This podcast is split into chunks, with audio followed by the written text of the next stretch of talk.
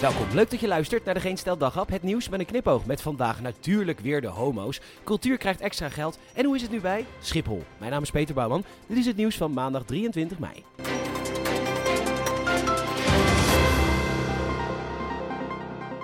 Zes gevallen van apenpokken zijn er inmiddels vastgesteld, dat meldt het RIVM.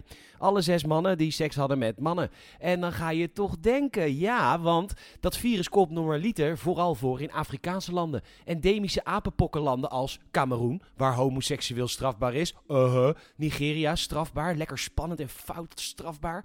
Ghana, mm, strafbaar. Sierra Leone, dat land, trouwens, vrouwen mogen daar wel seks hebben met elkaar en mannen niet. Zulke opmerkingen hoor ik trouwens geregeld in de kroeg met mijn maten.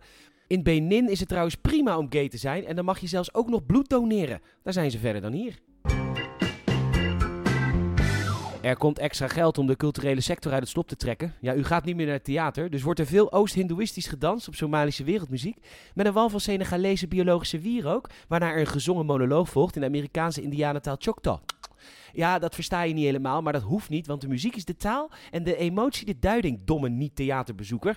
Nou, dan gebeurt allemaal heel veel en die artiesten die doen dat allemaal voor lege zalen. En bij gebrek aan kaartverkoop is het wel handig dat je dan wel gewoon een salaris overgemaakt krijgt aan het einde van de maand. Ook wordt er 20 miljoen euro uitgetrokken, daar wil het kabinet jongeren mee stimuleren cultureel bezig te zijn, door onder meer oefenruimtes, creatieve broedplaatsen en een cultuurbudget voor mbo'ers. Ja, laat die mbo'ers nou uit de cultuursector, ik wil een warmtepomp.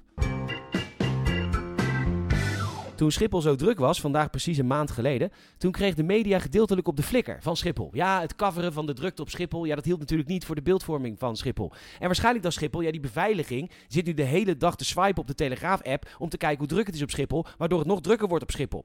Nu heeft de media zich even niet bemoeid met het probleem, tot vandaag. Toen ging AT5 even langs. En wat blijkt nou? Het is nog steeds urenlang wachten op beveiliging en inchecken. In vertrek 2 en 3 ook vertraging bij de paspoortcontrole en kans op vluchtuitval. Ja, het is er nog steeds. Er is niks opgelost. En wie is er weer de dupe? Ja, natuurlijk.